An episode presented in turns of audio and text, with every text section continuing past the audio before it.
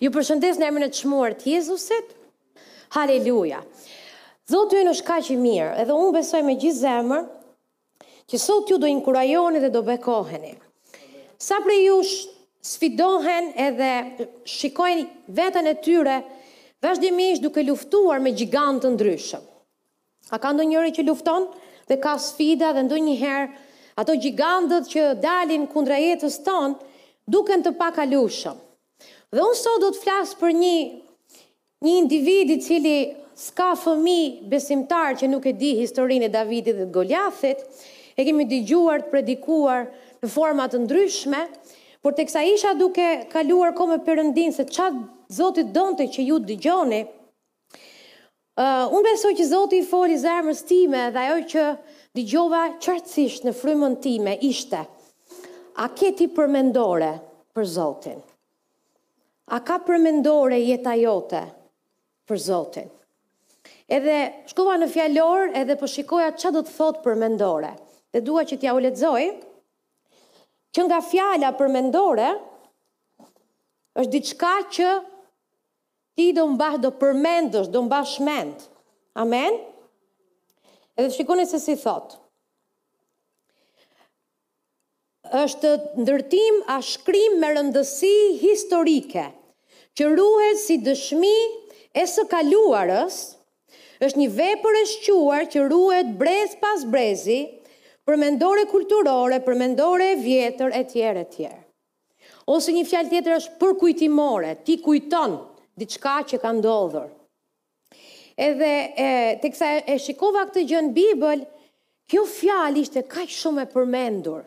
Po të shikosh udhëtimin e fëmijëve të Zotit, që nga zanafilla, Edhe gjatë gjithë testamentit vjetër, ato ndalonin mbas çdo fitore dhe ngrinin një përmendore Perëndisë, për t'i kujtuar vetes fitoren që ato kishin korrur me fuqinë e Perëndisë.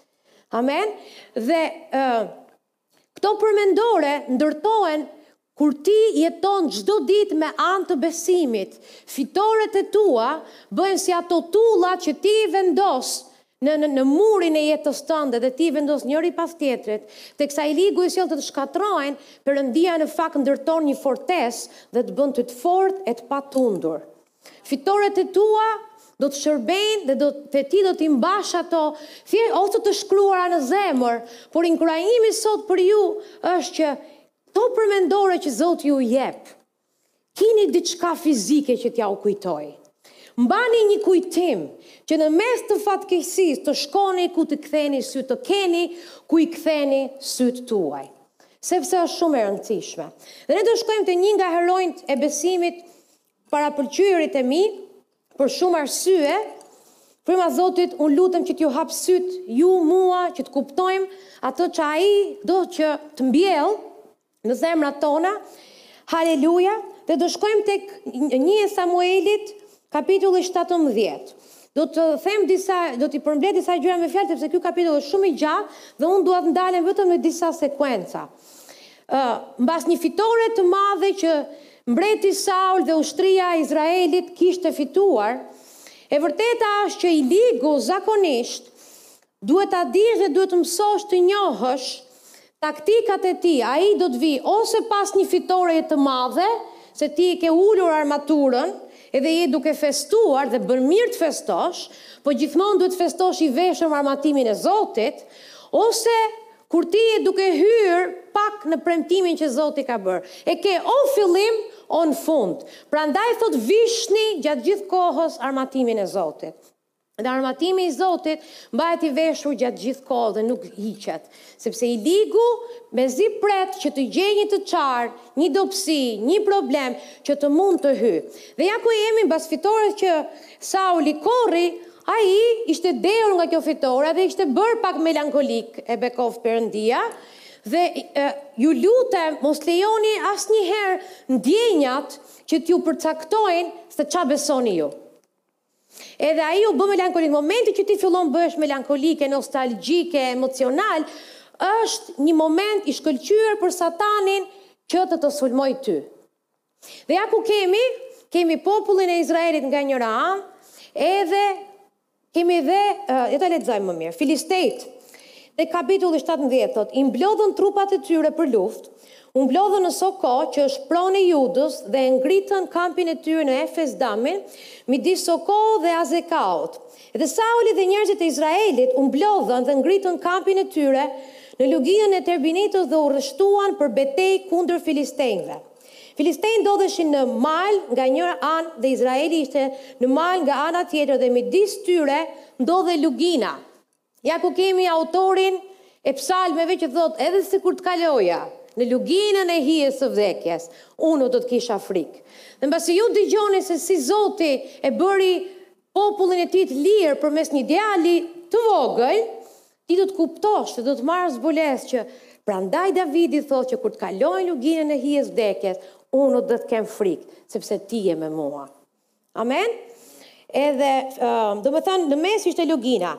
Nga kampi i Filistejve, doli një kampion i quajtur Goliath, nga Gathi, i lartë gjashtë kubit dhe një pëllëm. Po ta përkthesh këtë në Shqip, domethënë me metra, ai ishte 3 metrë e 20 centimetra. Keni parë një njeri 3 metra 20 centimetra? Mua Gerti më duket i gjatë, imagjino 3 metra 20 centimetra. Domethënë ti e shikon kështu, e ka kokën pak pa shku në tavan. Okej? Edhe thotë, kishte në kokë një helmetë prej bronzi, ishte i veshur me një parzmore, pesha e të cilit ishte 5.000 sikla bronzi që tregon një peshë shumë të madhe që e mbante me armaturë në trup, Në këmbë kishte këmbore prej bronzi dhe mbi sup mbante një ushtë prej hekuri. Dhe pastaj tregon detajet e armaturës tij që ne nuk do shkojmë këtu. Dhe thotë pastaj, ë, Zgjidhni thotë një burrë tek vargu tetë që të dalë kundër meje. Në rast se do të jeni në gjendje të luftoni me mua, do të më vrasë. Ne do të jemi shërbëtorët tuaj, por në rast se dal unë fitues, thotë Goliathi, dhe e vras, atëherë ju do të jeni shërbëtorët tanë dhe ne dhe do të na shërbeni. Pastaj filisteu shtoi, Unë sot po sfidoj trupat e Izraelit, më jepni një burrë dhe do të luftojmë. Kur Sauli dhe tërë Izraeli dëgjuan këto fjalët e filisteut, mbetën të shtangur dhe u hyri një frikë e madhe. Gjithmonë e kam pyetur veten pse ju hyri këtyre një frikë e madhe, sepse dëgjuan burimin e gabuar. Nëse ti i hap veshët për të dëgjuar se çfarë gjigandët e jetës thonë, ty do të të lëshojë zemra dhe do të hyjë një frikë e madhe. Por nëse i hap veshët për te çfarë fryma e Zotit e shkrimi i shenjtë thotë, ty do të të hyjë një besim i madh. Amen. Dhe ata i kushtuan vëmendje sepse u drejtuan me atë çfarë panë. Fjala e Zotit na thotë që ai për dyzet ditë dilte përpara popullit të Zotit dhe i kërcënonte në mëngjes dhe në darkë. Edhe i thoshte, Unë do t'ju bëj këtë, e unë do t'ju bëj këtë, e unë do t'ju bëj këtë. A më kuptoni? Dhe ata i kushtuan vëmendje dhe një frikë e madhe ju hyri dhe u shtangën. Frika Të paralizon. E para të paralizon logjikën. Keni parë, më ka rastisur të shikoj njerëz të cilët uh, kam pasur njëherë duke udhëtuar me avion, disa pasagjerë që kishin frikë se po ta zgjasnin kokën ke dritarja bien. E shikoni sa pa logjikë është frika? Është pa lidhje. Ti je në ajër, tashmë je në duart e Perëndisë. Në pastë ai mëshirë të zbret në tokë, haleluja!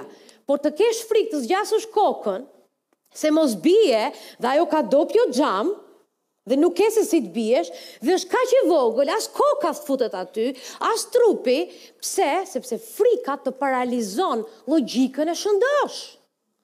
Frika paralizon llogjikën e shëndoshë, e bën çdo gjë të duket më e madhe se ç'është, dhe është armatura më më e fortë që i ligu ka, e fryma e frikës.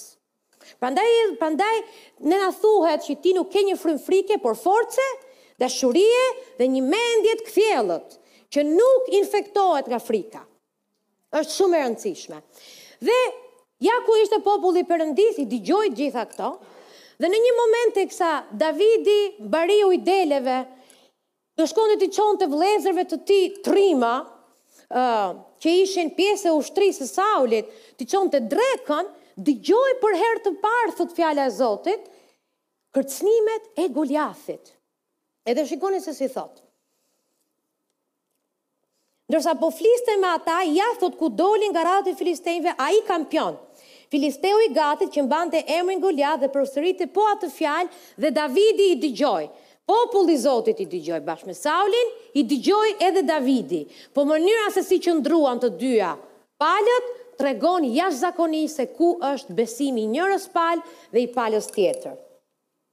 Tërë njerëzit e Izraelit, me të parë atë njeri, ikën prej tij dhe u hyri një frikë e madhe, se kishin dyzet ditë që e dëgjonin. Njerëzit e Izraelit thonin, E keni parë këtë njeri që shkon përpara? Ata u ndalën dhe filluan të flasin sa i madh është problemi, sa i madh është gjigandi, çfarë armature ka, sa i madh është ai dhe sa të vegjël jemi ne, si të mundemi ta mposhtim. Të dy dëgjuan raportin e Goliathit, por kishte dy reagime të ndryshme. Ai thotë shkon përpara për të vënë në provë sedrën e Izraelit, ai që do ta vrasë kushdo qoftë dhe tregojnë të gjitha të gjitha shpërblimet që do t'i jepeshin individit që do ta mposhte Goliathin. Më kuptoni? Atëherë, thotë, Davidi, duke iu drejtuar njerëzve që ishin pranë tij, tha, Çfarë do t'i bëjnë atij burri që do të vrasë këtë filiste? Edhe ato i thonë që do të marrë për grua vajzën e mbretit dhe do të jetë i lirë nga borxhet gjithë jetën e tij, i shpenguar totalisht. Eliabi vëllai i tij i madh e dëgjoi ndërsa fliste me ata njerëz, se e pa se ky ishte më i vogli i familjes, ishte thjesht një bari deles, dhe kur Eliabi vëllai i tij i madh e pa që po diskutonte me ta, u zëmrua me vëllanë e tij dhe i tha ça bën ti këtu, ik e merru me ato pak dele. Ligu gjithmonë do vijë të të tregojë ty se sa pak vlerë ke ti, se sa i paaftë je ti dhe se sa i pakualifikuar je ti për t'u përballur me gjigandët e jetës tënde. Do të të vijë në formë miqsh, do të të vijë në formë familje, do të të vijë në formë bashkëshorti a bashkëshorte, do të të vijë në formë fëmije, i ligu do vijë dhe do të flasi totalisht të kundërtën e asaj çfarë Zoti, Bariu yt, mendon dhe ka bërë për ty. Dhe u zëmrua me të vllanë. Davidi iu përgjigj, ç'kam bërë unë tani? Nuk ishte veçse një pyetje e thjeshtë. Dhe Davidi thotë, Asnjëri të mos ligështohet te vargu tridhjetë e dy, për shkak të tij, shërbëtori yt do të shkojë të luftojë me këtë filiste. Sauli i tha Davidit, Ti nuk mund të shkosh të luftosh kundër filisteut, sepse ti je akoma djalosh, ndërsa ai është një luftëtar qysh në të ritë e tij. Por Davidi iu përgjigj Saulit, Shërbëtori yt kulloste kopenë e atit të tij, kur një luan ose një ari vinte për të rrëmbyer një dele nga kopeja, unë e ndiqja e godisja dhe ia rrëmbeja nga goja. Në qoftë se ai kthehej kundër meje, unë e kapja nga krifa, e godisja dhe e vrisja. Po shërbëtori yt ka vrarë luanin dhe ariun, dhe ky filiste i parrethprerë do të pësojë të njëjtin fat, sepse ka fyer ushtrinë e Perëndisë së gjallë. Zoti që më shpëtoi nga kthetrat e luanit dhe nga panxha e ariut do të më shpëtojë edhe nga dora e këtij filisteu. Atëherë Sauli i tha Davidit, Shko, dhe Zoti qoftë me ty. Ja ku kemi dy raporte. Kemi raportin e popullit të Zotit me në krye mbretin Saul, i cili ishte u tremb po aq sa ushtria e tij, dhe ata e hapën gojën dhe i dhanë zë atë ça kishin në zemër dhe ça kishin në zemër ishte frikë. Dhe ça kishin në zemër kishte dështim dhe pamundësi e pamundur për të fituar kundër Goliathit.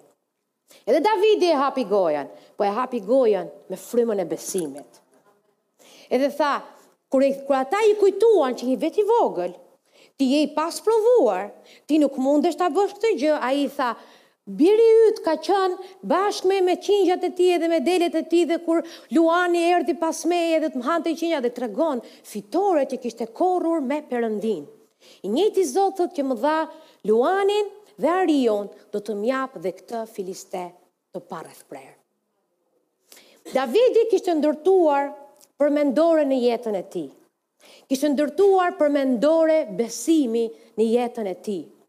Teksa ai kalonte çdo ditë duke u kujdesur për delet dhe i kulloste ato, Davidi ishte një perëndi, më falni, ishte një, një njeri sipas zemrës së Perëndisë. Ai e donte Zotin dhe adhuronte Perëndinë dhe kishte një marrëdhënie të ngushtë me Perëndinë. Kur ti je duke u përballur me një gjigant, Testi yt më i madh është çfarë do të thuash ti kur sapo të prezantohesh me Goliathin e jetës tënde, kushdo qoftë apo çfarëdo lloj gjëje qoftë ai. Ajo që ti do të nxjerrësh nga goja do të tregojë se ku është zemra dhe besimi yt. Dhe në Testamentin e Vjetër, por kemi edhe kaq shumë shembuj në Testamentin e Ri, Kishim kaq shumë ushtri armike që vinin kundër popullit të Zotit. Dhe ata heronj besimi që ne i admirojmë sot, edhe pse frika trokiste në, në jetën e tyre, edhe pse kërcënoheshin me të madhe nga të gjitha anët, ata shkonin dhe i kujtonin vetes çfarë Zoti kishte bërë për ta. Amen. Dhe dua t'ju lexoj disa vargje që flasin për përmendoret e Perëndisë. Po ti a ke përmendore në jetën tënde? Tek Zanafilla 28:18 është momenti ku Jakobi ka një takim me Perëndinë dhe Zoti i jep premtim që ti pasardhja jote i jep të njëjtin premtim që i dha Abrahamit, do të jetë si yjet e qiellit edhe si rëra e tokës. Dhe thotë që unë nuk do të të braktis Derisa unë të bëj totalisht atë që e kam shpallur me gojën time, unë do të jem me ty. Dhe fjala e Zotit thotë, kështu thotë Jakobi, mbas këtij takimi me Perëndinë, mbas këtij premtimi me Perëndinë, u ngrit herët në mëngjes, mori gurin që kishte vënë nën krye të vet, e ngriti si një përmendore, derdhi vaj mbi majën e saj. E ngriti si përkujtimore, e ngriti si diçka që kushdo që të kalonte nga ai shteg të shikonte ça Zoti kishte premtuar, ça Zoti kishte bërë për Jakobin. Që ata që vinin pas tij të shikonin që Perëndia është i madh dhe ai është me Jakobin. A ke ti përmendore në jetën tënde që njerëzit të thonë, Zoti i Gjonit, Zoti i Pranverës, Zoti i Vitorit e ka bërë këtë gjë. A mund të lesh gjëra pas që fëmijët e tu, që njerëzit e tu të shikojnë që ti i ke bërë me Perëndinë?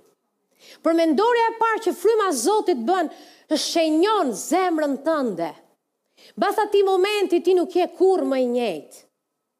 Sepse ti e di, që i njëjti Zot, që i dha luanin dhe ariun do të japi dhe këtë filistet pa rrethprerë.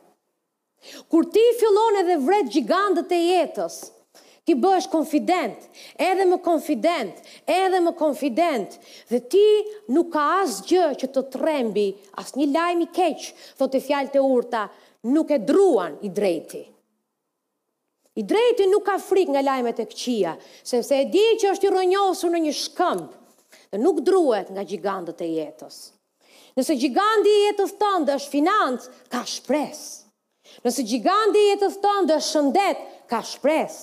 Nëse gjiganti i jetës tënde, Goliathi i jetës tënde, është frikë, Është depresion, është shqetësim dhe ti nuk di të shijosh jetën sepse shqetësimi ka zënë vendin që Perëndia duhet të ketë, ka shpresë. Ai të ka mirëpajisur ti, ty, që ti të fitosh çdo betejë. Në mënyrë që pas momentit që ti fiton, ti ke armë në duart e tua, ke përmendore që Zoti të jep dhe mund ta luftosh pa problem atë që vjen pas.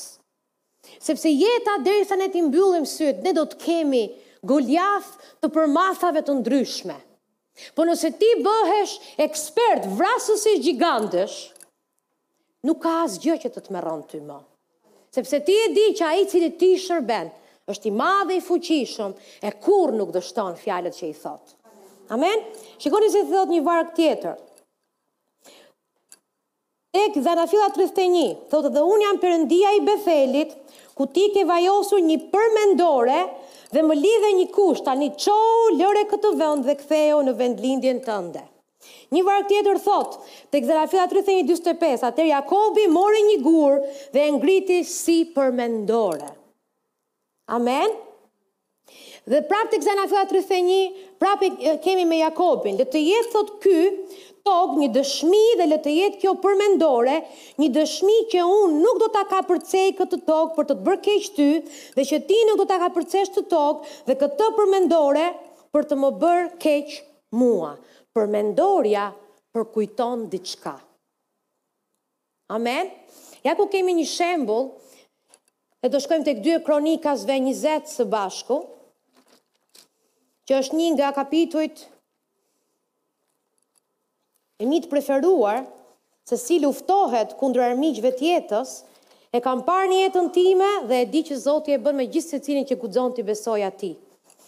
Pasi Jozafati mori lajmin e hidhur që ishte i rrethuar, Nga armiq, jo vetëm nga një krah, por nga të gjitha anët. Dhe ka momente në jetën tonë që ti je i sulmuar në mendje, ti je i sulmuar në trup, ti je i sulmuar në financa, ti je i sulmuar nga të gjitha anët dhe të duket vetja i rrethuar. Ajo çfarë ti do të bësh, ajo se si ti do të qëndrosh do të përcaktojë fitoren ose humbjen tënde. Dhe kur ne humbim nuk është faji i Perëndisë, po është i yni sepse kemi lejuar që të besojmë një raport që Zoti nuk na e ka lejuar që ta besojmë dhe nuk na ka këshilluar kurrë që ta besojmë. Ai do që ti të besosh atë ça Zoti beson për ty. Dhe ai thotë që ti je koka e jo bishti, je lart e jo poshtë, je i bekuar në qytet e i bekuar në fshat. Amen. Ai thotë që ti je më shumë se sa fitimtar. Jo vetëm fitimtar, po më shumë se sa fitimtar. Amen. Më shumë sa fitimtar është fjala ngadhnjimtar. Është të ngadhnjesh mbi diçka. Dhe fjala e Zotit na thotë te Kolosianët që kur Jezusi e mposhti vdekjen dhe i mori çelësat Satanit, ai ngadhnjeu. Ai ngadhnjeu dhe ngadhnjimi është fitore kaq e madhe sa ti bën edhe një show gjigant përpara armiqve dhe bën dhe një ecje të, të jashtëzakonshme, mbretërore përpara armiqve tu për të treguar që të kam mposhtur. Amen. Dhe Jezusi e tregoi në qiell fitoren e tij. Jezusi e tregoi në tokë fitoren e tij dhe Jezusi e tregoi në ferr fitoren e tij. Kam dëgjuar diçka që më ka bekuar kaq shumë. Edhe sa herë që ndihem ngushtë e mendoj këtë gjë. Edhe ishte kështu si ishte si shaka për të qeshur, por është kaq shumë e vërtetë dhe e fuqishme. Tha Jezusi i tha Satanit, Satan, unë të mposhta ty në qiell kur të rashë me gisht, të hodha poshtë. Unë të mposhta ty në tokë sepse bëra gjithë të lirë ata që ishin të pushtuar nga ty. Dhe unë të mposhta ty në guzhinë në dhomën tënde të ndenjes në ferr. Amen? është një gjë që ti ta mposhtësh armikun në, vënd, në, në, në, në zonën tënde, kur ti je i mbrojtur, është një gjë tjetër, është krejt një gjë tjetër, kur ti ia thyen turin satanit në shpinë e vet. Dhe ia vlen të bësh një show fitoreje në mes të kësaj këtij filmit mrekullueshëm. Për t'i kujtuar Satanit se kush i ka çelësat. Amen. Dhe neve na është dhënë pushtet, përmbi çdo principat, pushtet, fuqi, zotrim, emër që përmendet jo vetëm në këtë epokë, por edhe në ato që vijnë. Amen. Dhe ja ku kemi Jozafatin i cili u gjend i rrethuar dhe Bibla na tregon që kur ai dëgjoi frika trokiti sepse sa herë që ti do të përballesh me një gjigant, frika do të trokasë, po ti s'ke pse ia hap derën. Ti ti ke çelësat, ti mbaje mbyllur. Dhe nxirr në derë fjalën e Zotit, që është shpata e frymës, dhe hiqja kokën, pa mundur që të penetrojë zemrën dhe mendjen tënde.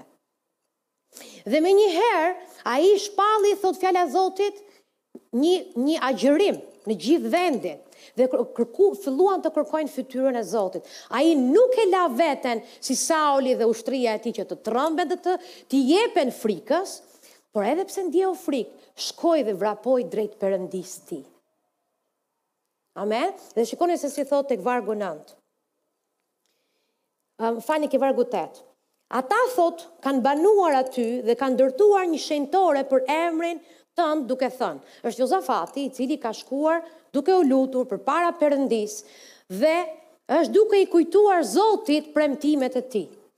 Thotë, ata kanë banuar aty dhe kanë ndërtuar një shenjtore për emrin tënd duke thënë, në rast se na godet një fatkeqësi, shpata, gjykimi, apo murtaja, ose zia e bukës, ne do të paraqitemi përpara këtij tempulli dhe përpara teje, sepse emri yt është në këtë tempull, do të të klithim ty nga fatkeqësia jonë, ti do të na dëgjosh, do të na vish në ndihmë. Ku shkoi Jozafati? Jozafati shkoi aty ku ishte ngritur një shenjtore për emrin e Perëndisë. Dhe shkoi i kujtoi Zotit, jo sa frikë kishte, dhe nuk i tha Zotit, i ke parë Zot se sa shumë janë armiqtë që janë ngritur kundër meje?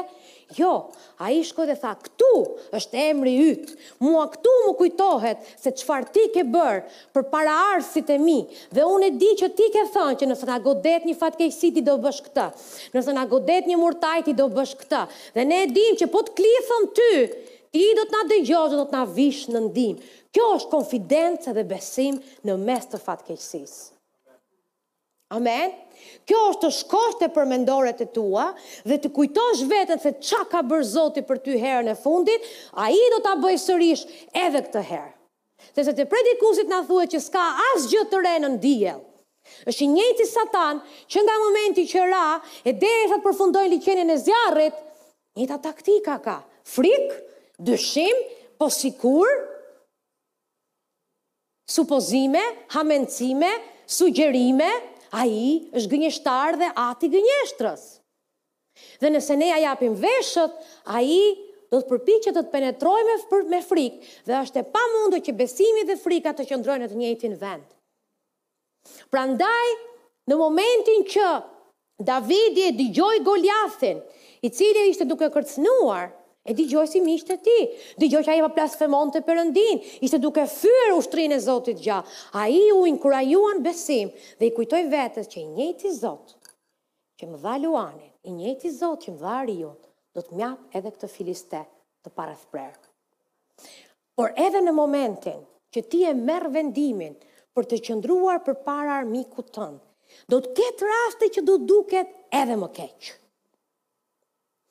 Sepse besimi, besimi është që ti të qëndrosh i palëkundur që ajo ça Zoti thotë është e vërteta dhe çdo gjë tjetër është subjekt për të ndryshuar. Dhe ndonjëherë gjërat bëhen edhe më keq. Dhe Bibla na thotë këtu tek tek 1 Samuelit 17 aty ku ishim thotë që pasi mbreti Saul u bind u bind që Davidi mundeshe t'ia dilte dhe shikoni kur ti ecën me besim kur ti flet me besim do të të sjellë ty në vëmendje të njerëzve Sepse njerëzit duan shembuj të cilët qëndrojnë në mënyrë që të kenë mundësi të ndjekin. Kur ti flet me besim në mes të fatkeqësisë, pas teje ti do të bësh pasardhës me besimin tënd. Ne jemi pasardhja e Abrahamit pse? Sepse besuam që atë ça Zoti i tha Abrahamit, Është edhe jona. Dhe Zoti i dha Abrahamit dy gjëra ku ai të mbahej fort. I dha yjet e qiellit edhe rërën e tokës. Që ai kur shtrihej në darkë, sepse nuk kishte apartament kështu si ne, kur shtrihej në darkë dhe shikonte yjet e qiellit, i kujtoheshe premtimi i Zotit, ishte si përmendore përpara tij. Dhe kur ecte gjatë ditës në rërën e nxehtë, ecte dhe shikonte që pasardhja e tij do të jetë si rëra e detit dhe i kujtoi përmendorja, besnikëria e Perëndisë dhe ai qëndroi, u përforcua në besim thotë fjala duke i dhënë lavdi Perëndisë. Fokusoji sytë kur je duke kaluar vështirësi, kur gjigantët e jetës të luftojnë ty edhe ngrihen kundra teje, Sigurohu që i ke këmbët në shkëmb. Sigurohu që e mbush zemrën me inkurajime dhe shkon te fitoret e mëparshme që do të japin ty forcë që ta dish që Ai që ishte me ty këtu do të jetë me ty edhe atje. Amen. Dhe është kaq shumë e rëndësishme. Dhe kur gjërat të duken më keq, Ti prapë nuk duhet të heqësh dorë, sepse fjala e Zotit thotë që ne nuk heqim dorë. Ne nuk duhet të hedhim poshtë besimin tonë që do të ketë një shpërblim të madh. Dhe thotë mos hiqni dorë nga rrëfimi i besimit. Amen. Besoni që atë ça Zoti ju ka premtuar, ai dhe do ta kryejë pavarësisht situatave. Dhe kur dhe, dhe kur Davidi ia mbushi mendjen Saulit dhe doli në mes të betejës, Kur Goliathi e pa, nisi të tallej me të. Dhe i ligu do të tallet me ty. I ligu do të të thotë ty, ti vjen nga një familje të cilët nuk janë shquar se kanë bë hajër ndonjëherë. Po kush të bën ty të mendosh Që ti, more zotri, kaq i vogël sa je, nga prejardha të cilën ti ke, me aftësitë që ti ke, do më mundke mua, që kam mundur burra me mjekër më të madhe se e jotja, kam eksperiencë më të gjatë këtu, se sa ti. Dhe ai do të tallet me ty, dhe ai do të të shpërfillë ty, por ti duhet të qëndrosh sikur Davidi qëndroi. Dhe Davidi doli edhe e pa Goliathin dhe nuk u tmerrua kur e pa, Por tha kush je ti që e fyen ushtrinë e Zotit gjallë. Ti më ke ardhur thotë me shtizë dhe me ushtë, por unë vij kundër teje me emrin e Zotit të ushtrive. Dhe kur Davidi e bëri këtë shpallje, Një përkthim tjetër thotë u Filisteu lëvizi dhe shkoi përpara për t'u ndeshur me Davidin.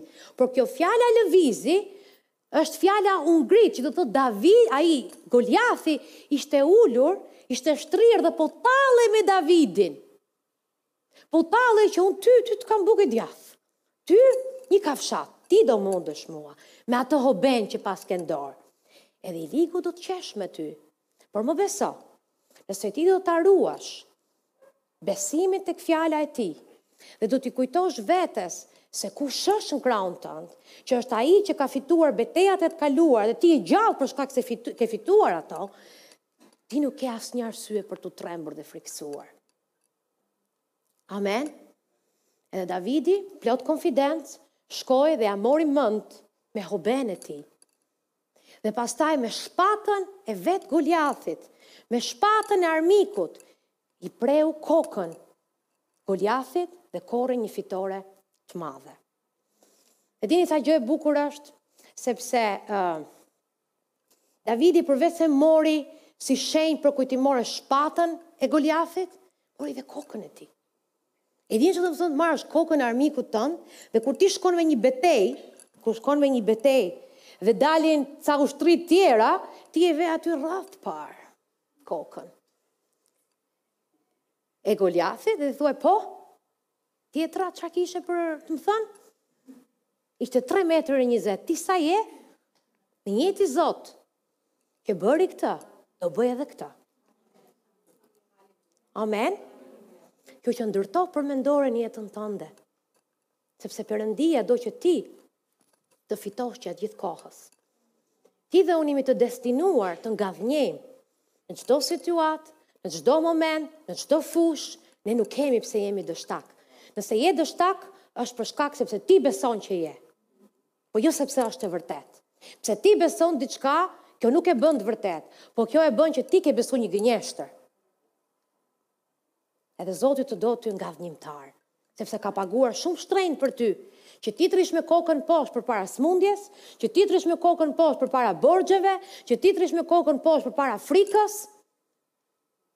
Frika do të shtyjë aq sa ti e lejon. Vitor të lutem vlla mund të vish pak Frika është frymë e lig po këtu sipër E zëmë se ky është Davidi ose Vitori ose një besimtar Dhe frika po troket në derën e tij dhe kur frika vjen, siç u thashë, e bën çdo gjë të duket më e madhe se ç'është. Edhe vjen me furi. Dhe prandaj ne e këndojmë atë këngë që thotë kur armiku të vijë kundra meje si një lum i furishëm, që do të thotë frika është ajo që derdhet me furi kundër kundër jetës tënde, duket i madh dhe gjigant. Dhe nëse ai më shikon për një kohë të gjatë dhe un jam frika, ai do fillojë ta besojë që është i vogël dhe frika e madhe. Por nëse ai lejon luanin e Judës të ngrihet brenda tij, Frika do të stepet edhe vetëm do të bëhet më e vogël, më e vogël, më e vogël, më e vogël, derisa të dali nga skena komplet. Qëndresa e tij, mënyrën se si merret me frymën e frikës, do të përcaktojë fitoren që tashmë Jezusi e ka korrur. Ti dhe unë mund të ulesh vlla. Ti dhe unë jemi të thirrur në një ring boksi ku fitimtari tashmë dihet dhe je ti. Ti je thirrur vetëm që të jesh administrator i fitores që Jezus Krishti ka fituar tashmë. Amen? Kështu që e vetmja gjë që ti do të bësh është lufta e besimit.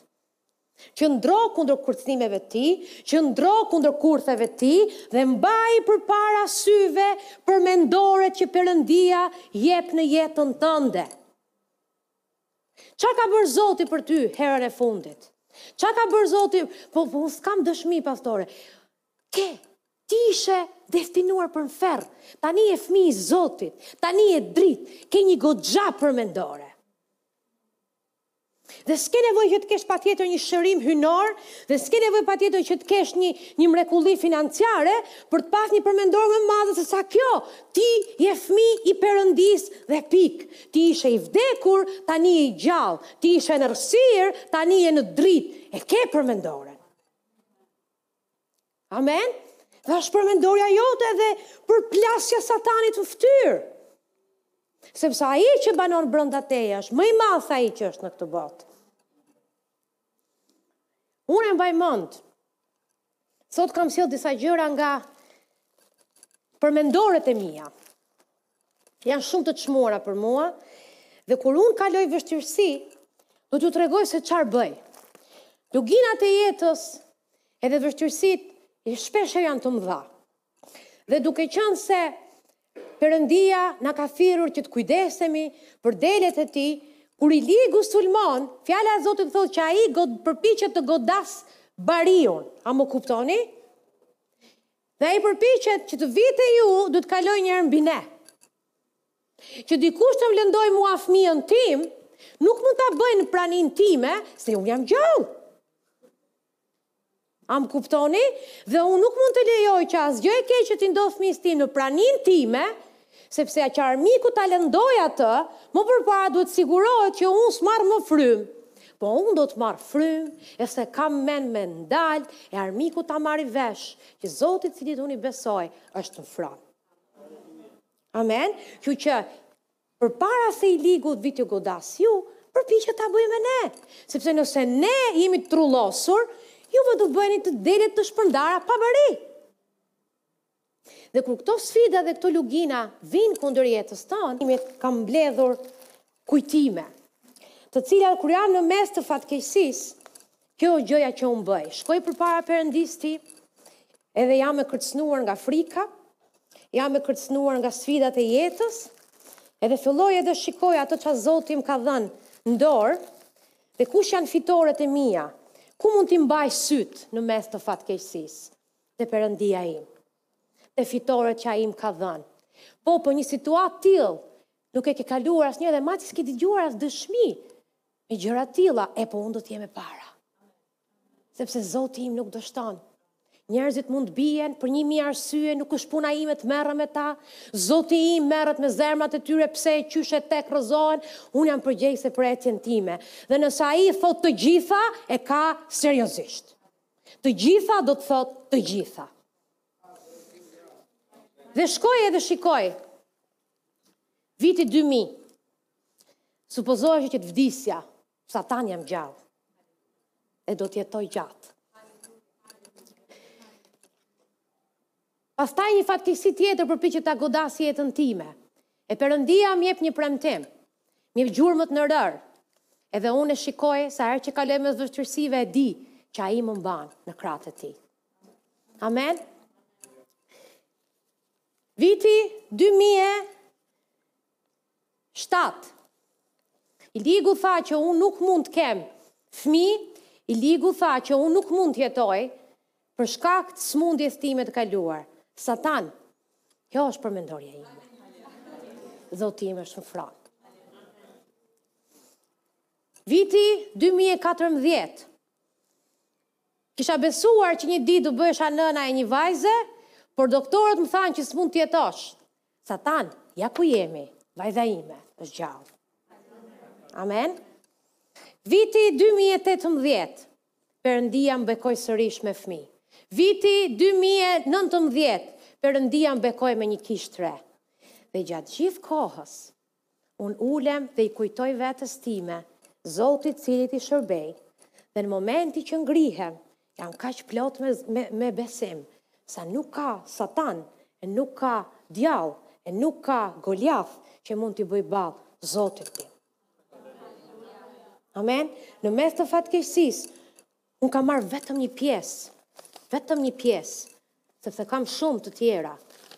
Mamaja ime ka një arsenal analizash. Dhe kur simptomat vijnë kundër shëndetit tim, unë i them satan, shëruar, satan, shëruar, satan, shëruar, do më, satan, Jezusi është Zot. Amen. Ai është Zot. Haleluja.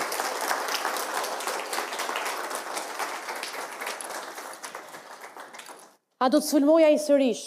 Me siguri që po, sepse është biznesi i tij, është puna e tij, quhet satan, Quhet ku di unë shumë emra të këqinj, po është i keq dhe ë ça mua më habit gjithmonë me Satanin është që si s'e kupton ai që është i mposhtur ende s'e ka marrë këtë zbulesë, do ta marrë kur t'i djegë trupi në ferr, por ai është i mposhtur dhe taktikat e tij nuk kanë ndryshuar.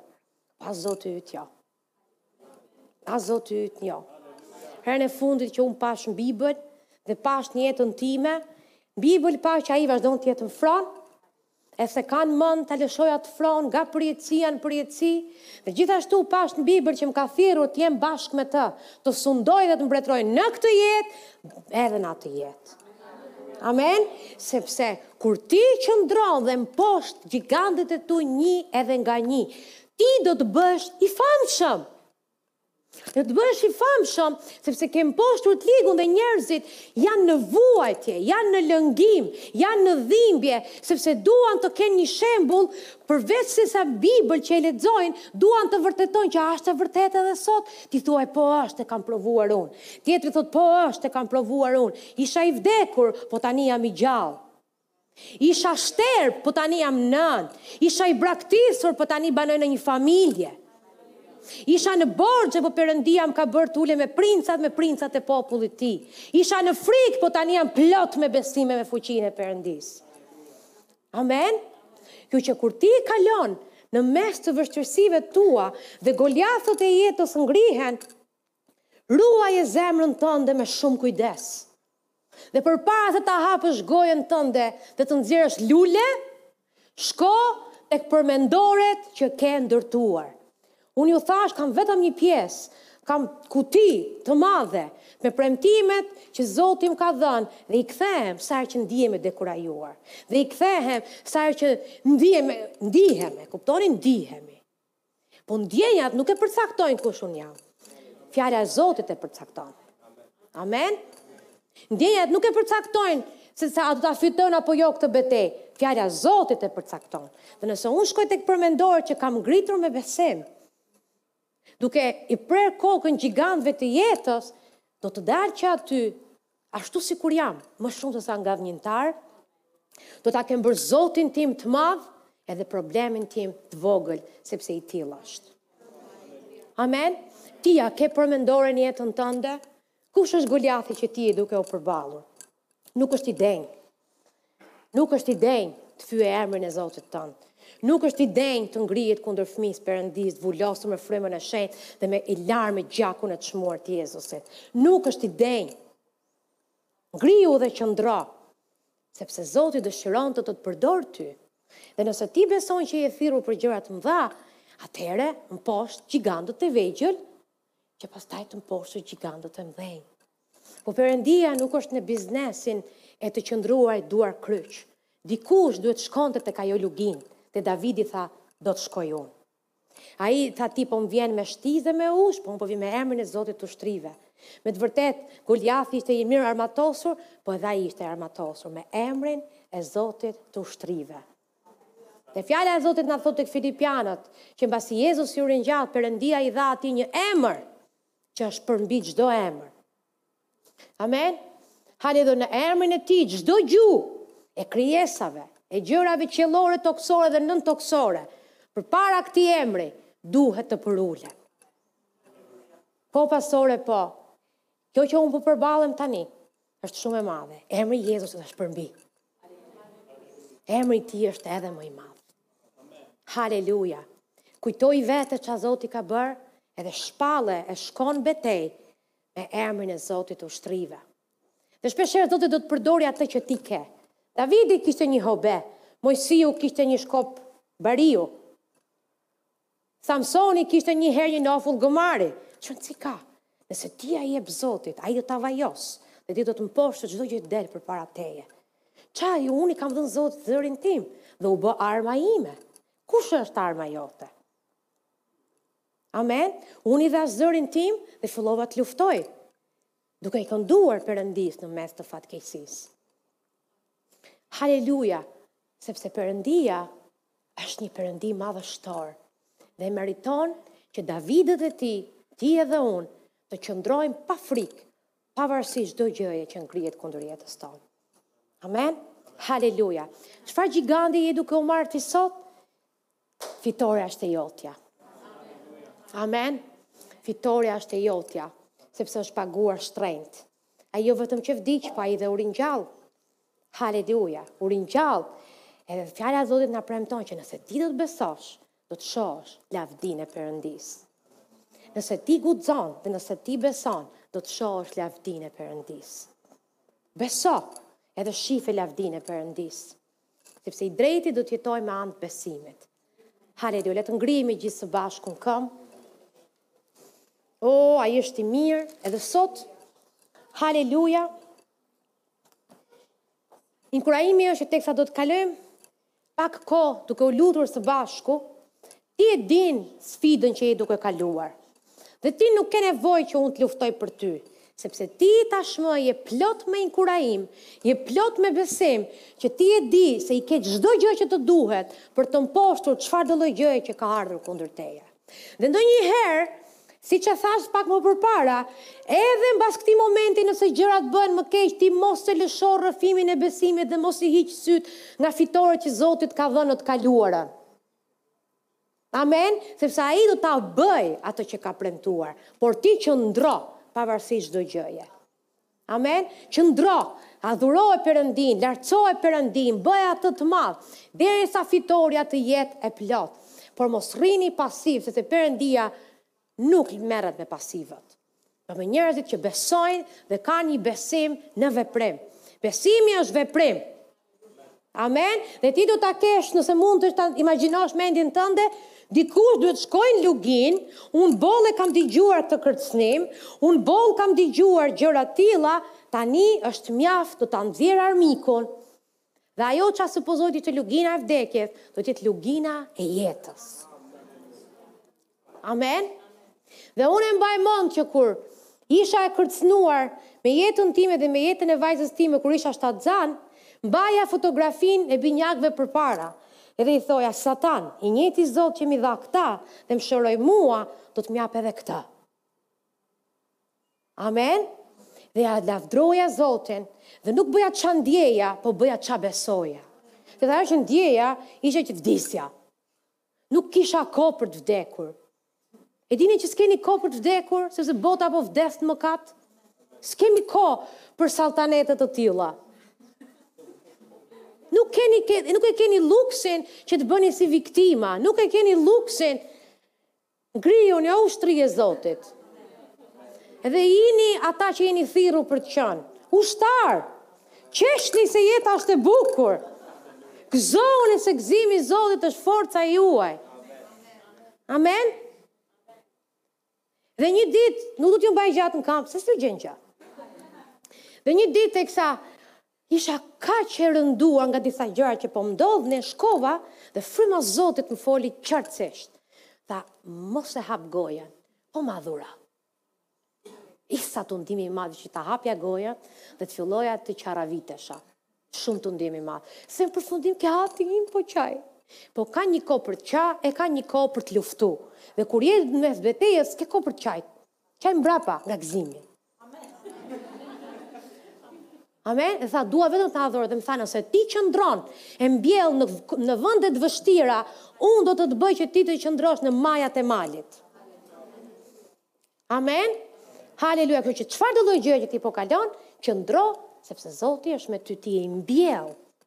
në shkëmb, dhe ti kurrë nuk do të lëvizesh, nuk du t'ia di sa erë ka, nuk du t'ia di se sa bërtet e ulëret ai në mëngjes e në darkë, ti bërtiti në mëngjes, në drekë, në darkë dhe natën. Dhe tregoji se kush komandon jetën tënde. Ti nuk je viktimë e rrethanave, ti je ngadhënjimtar. Sillu si i tillë. Amen? Haleluja.